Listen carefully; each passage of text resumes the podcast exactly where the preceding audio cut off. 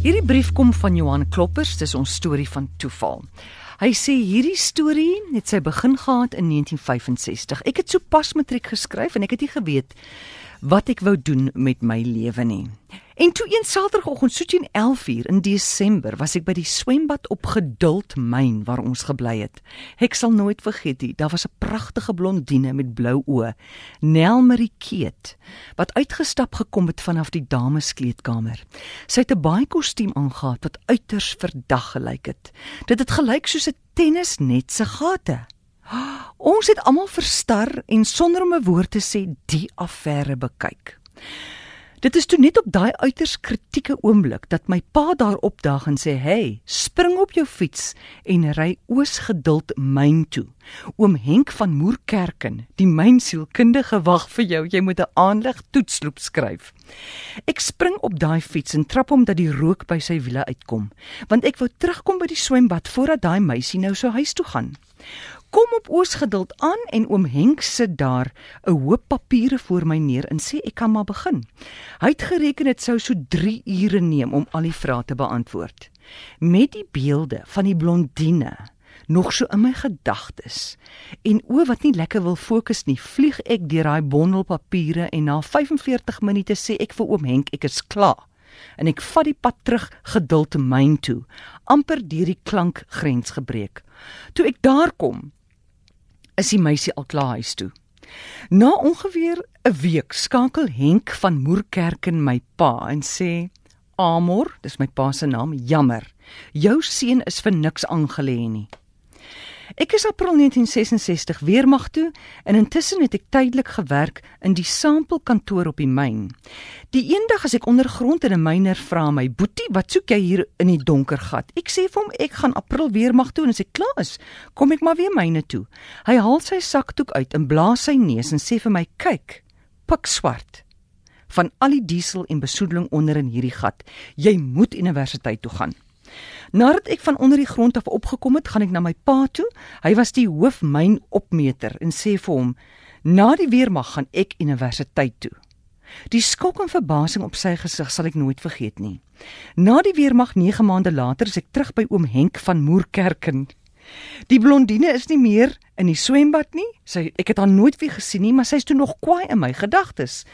Ek skryf weer en ek en weer bel oom Henk my pa 'n week later met die woorde. Hy sê: "Amor, jou seun kan universiteit toe gaan, maar ek gee jou 'n brief.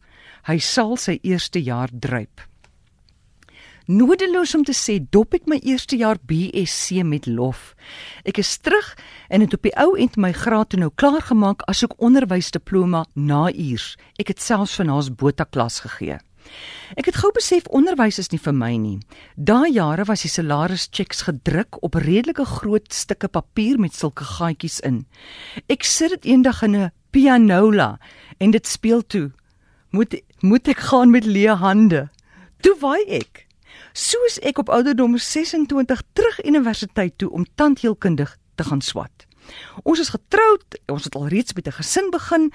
Ons het by my skoonouers op Randburg gebly en vir 5 en 'n half jaar het ek met 'n ou DKW tussen Randburg en Pretoria gery. In 1979 vang ek graad en begin ek in vishoek op my 32ste verjaardag te praktiseer. Ek werk vir 'n dokter Viljoen as assistent met die moontlikheid om later as vernoot in te koop. Dokter Viljoen verhuis in Februarie 1980 na Australië en ek neem die praktyk oor. Nou is ek die baas van die plaas en tot vandag toe 38 jaar later is dit nog steeds so. Nou hier kom die groot lekkerte. Dit was in Mei maand op 'n Woensdagmiddag. Ek sal dit nooit vergeet nie. Dit was kort voor 5 die middag dat die ontvangsdame Irene Todd inkom en sê dat daar 'n noodgeval is. 'n Rugbyspeler van Evander Myne is erg beseer en sy mond lyk vreeslik. Ek sê geen probleem. Maak klaar met die pasiënt op die stoel en kry die jong man in. Met die ondersoek merk ek daar is tande uit, daar's tande gebreek en sy lippe is stikkend gesny. Ek doen die nodige verdowing en terwyl ek wag soos ou Tolla sou gesê het vir die gif om in te skop, loop ek in die wagkamer in.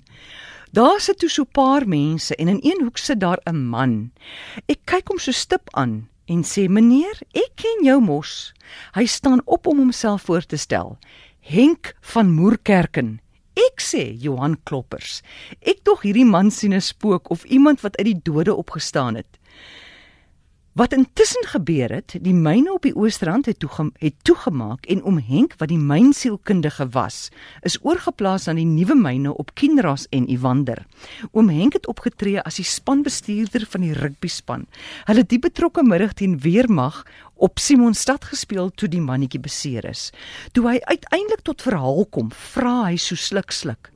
Johan, Amor van geduld myn se seun. Ja, sê ek dieselfde een oom Henk.